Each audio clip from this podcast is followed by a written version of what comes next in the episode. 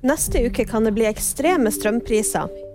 Visepresidenten i EU-parlamentet er pågrepet, og flere tonn julegaver til Ukraina. I løpet av neste uke kan vi få ekstreme strømpriser.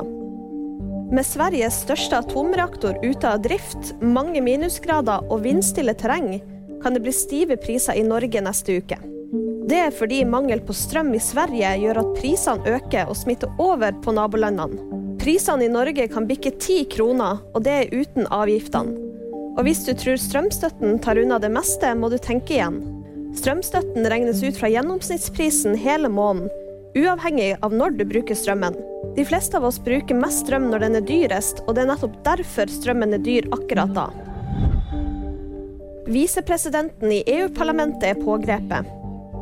Det er den sosialistiske representanten Eva Kaili som er arrestert. Det melder nyhetsbyrået AFP. Hun og fire andre skal være arrestert i forbindelse med forsøk på korrupsjon som kan knyttes til Qatar. Nordmenn har sendt 170 tonn med pakker til Ukraina. For rundt to uker siden oppfordra Posten alle om å bidra med en julegave til Ukraina. Responsen har vært stor.